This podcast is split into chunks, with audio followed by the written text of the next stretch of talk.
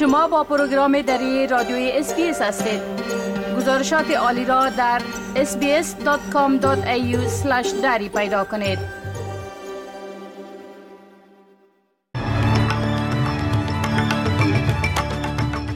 با عرض سلام ما صاحب شکیب شما را به شنیدن مهمترین اخبار امروز 19 ماه سپتامبر سال 2023 دعوت می کنم.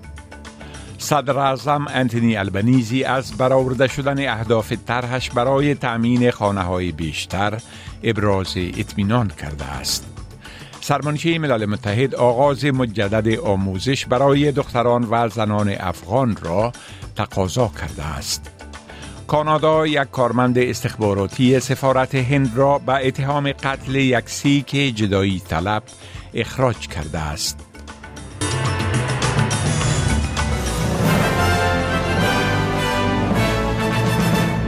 تفصیل اخبار صدر اعظم انتونی البنیزی می‌گوید که اهداف طرح حکومت او برای تأمین خانه های بیشتر را می توان با روش همکاری برآورده ساخت. آقای البنیزی با دانیل اندرو صدر اعظم ویکتوریا پیوست تا اعمار بیش از 230 خانه را در ساحه خالی از سکنه کارلتن تاورز در ملبورن اعلام کند.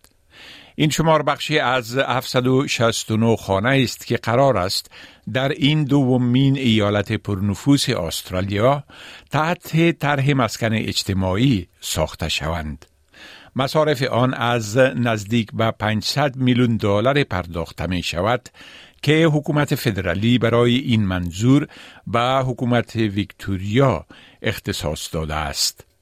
حکومت آقای البنیزی متعهد شده است که در پنج سال آینده از اواسط سال 2024 یک هشاره دو میلیون خانه جدید در سراسر کشور خواهد ساخت.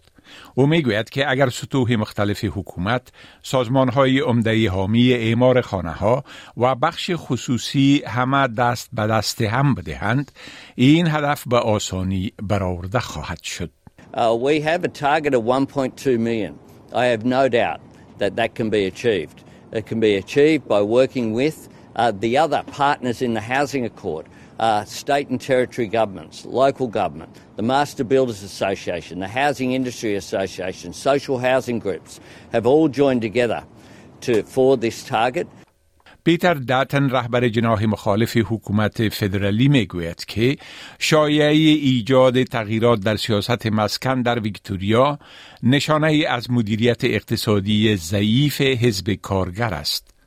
گمان می رود که حکومت ایالت ویکتوریا پالیسی های مانند وضع مالیات بر منازل کرایی کوتاه مدت از طریق فراهم کننده اقامتگاه های Airbnb را نیز مورد اجرا قرار دهد.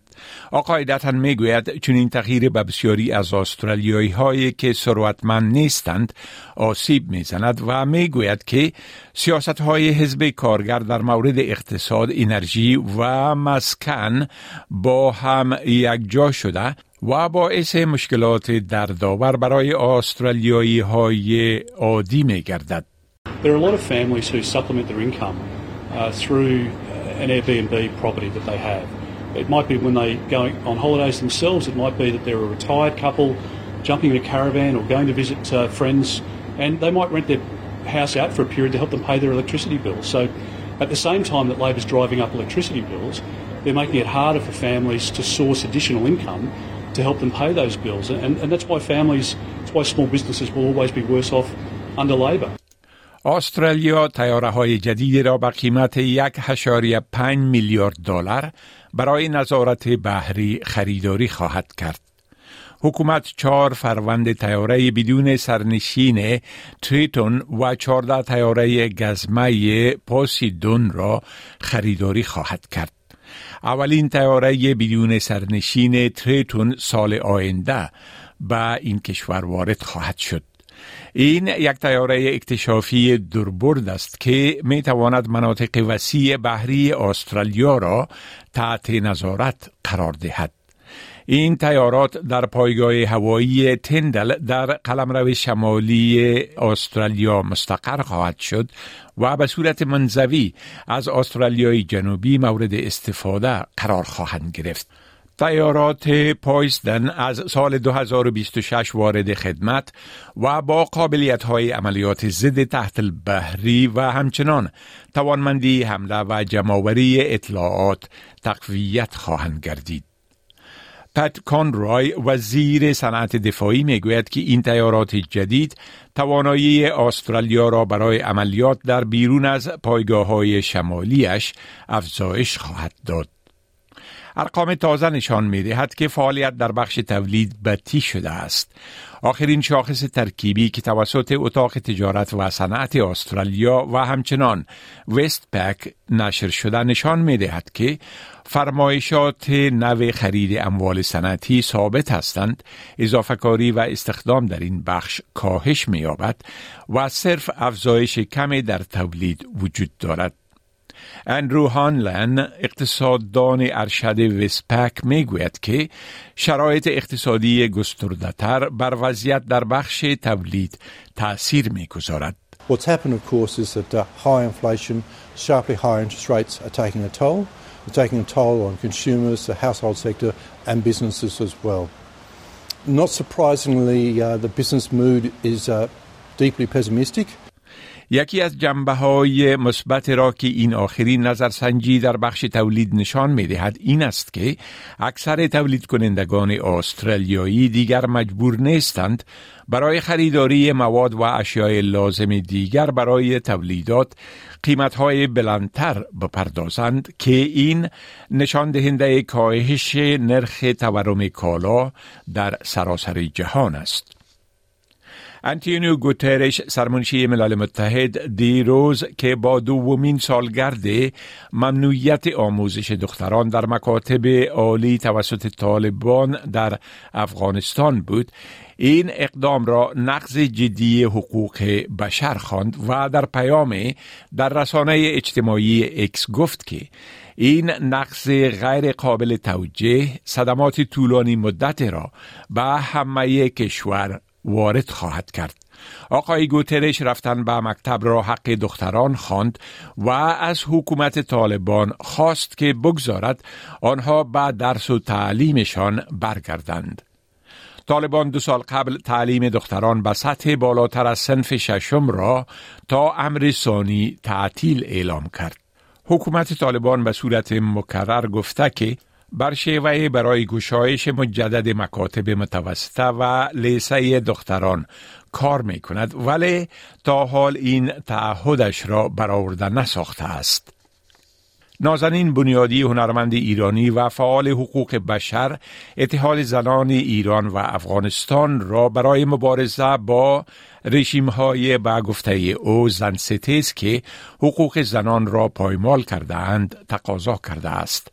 طبق یک گزارش صدای امریکا بنیادی این تقاضا را در یک گرد همایی با مناسبت اولین سالگرد مرگ محسا امینی در توقیف پلیس ایران به اتهام درست نپوشیدن هجاب به عمل آورد. او استقامت و شهامت زنان افغانستان را به نظیر خوانده و گفت که زنان افغان و ایران با اتحادشان در مبارزه علیه حکومتهای زن ستیز پیروز خواهند شد. شیرین عبادی برنده جایزه صلح نوبل و فعال حقوق بشر وضعیت زنان در ایران و افغانستان را شبیه هم خوانده و گفت که آنچه بر زنان این دو سرزمین روا داشته شده در حقیقت برخواسته از نظام و فرهنگ مرد سالار است که در نقاب اسلام پنهان شده است. خانم عبادی ممانعت دختران و زنان افغان از تعلیم توسط طالبان به نام اسلام را شرماور خوانده و گفت که برعکس پیامبر اسلام در آموختن دانش تاکید کرده و گفته است که برای آموختن علم و دانش حتی به چین که در آن زمان کشوری دور تصور می شد سفر کنید. کانادا یک مقام ارشد استخبارات هند را اخراج کرده است. حکومت کانادا می گوید اطلاعات موثق دارد که مامورین استخبارات حکومت هند را به قتل یک رهبر جدایی طلب سیک مرتبط می سازد. هردیپ سنگ نجار طبعه کانادایی در ماه جون در خارج از معبد سیک ها در شهر سوری در غرب کانادا به ضرب گلوله کشته شد. آقای نجار یک جدایی طلب سیک بود که در سال 2020 توسط هند به حیث تروریست نامیده شد. جاستین ترودو صدر اعظم کانادا می گوید که هند در این زمینه از حاکمیت کانادا تخطی کرده است. Any involvement of a foreign government in the killing of a Canadian citizen on Canadian soil is an unacceptable violation of our sovereignty. It is contrary to the fundamental rules by which free, open, and democratic societies conduct themselves. As you would expect, we've been working closely and coordinating with our allies on this very serious matter. هند از اینکه کانادا جدایی طلبان سیک در کانادا را مهار نمی کند ناراضی است.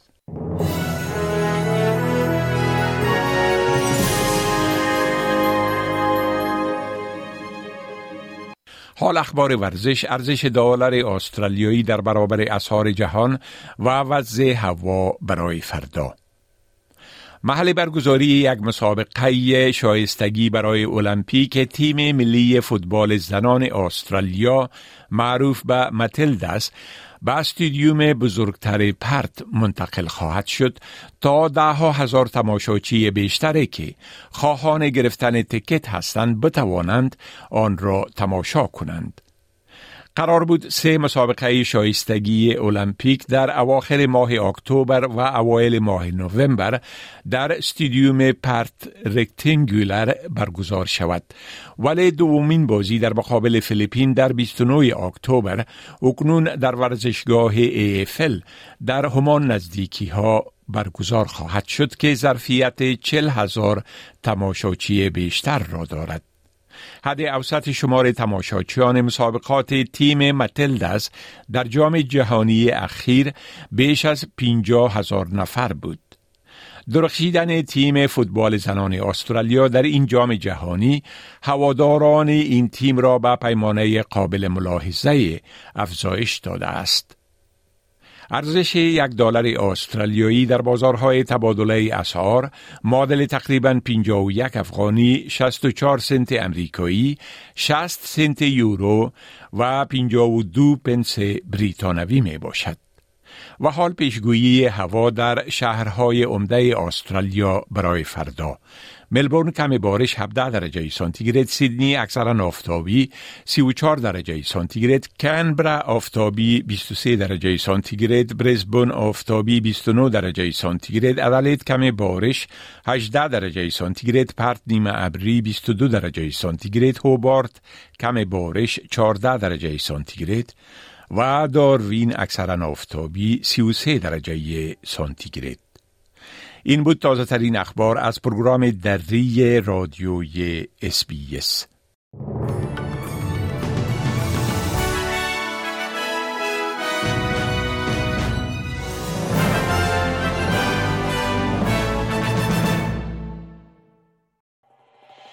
می خواهید این گونه گزارش ها را بیشتر بشنوید؟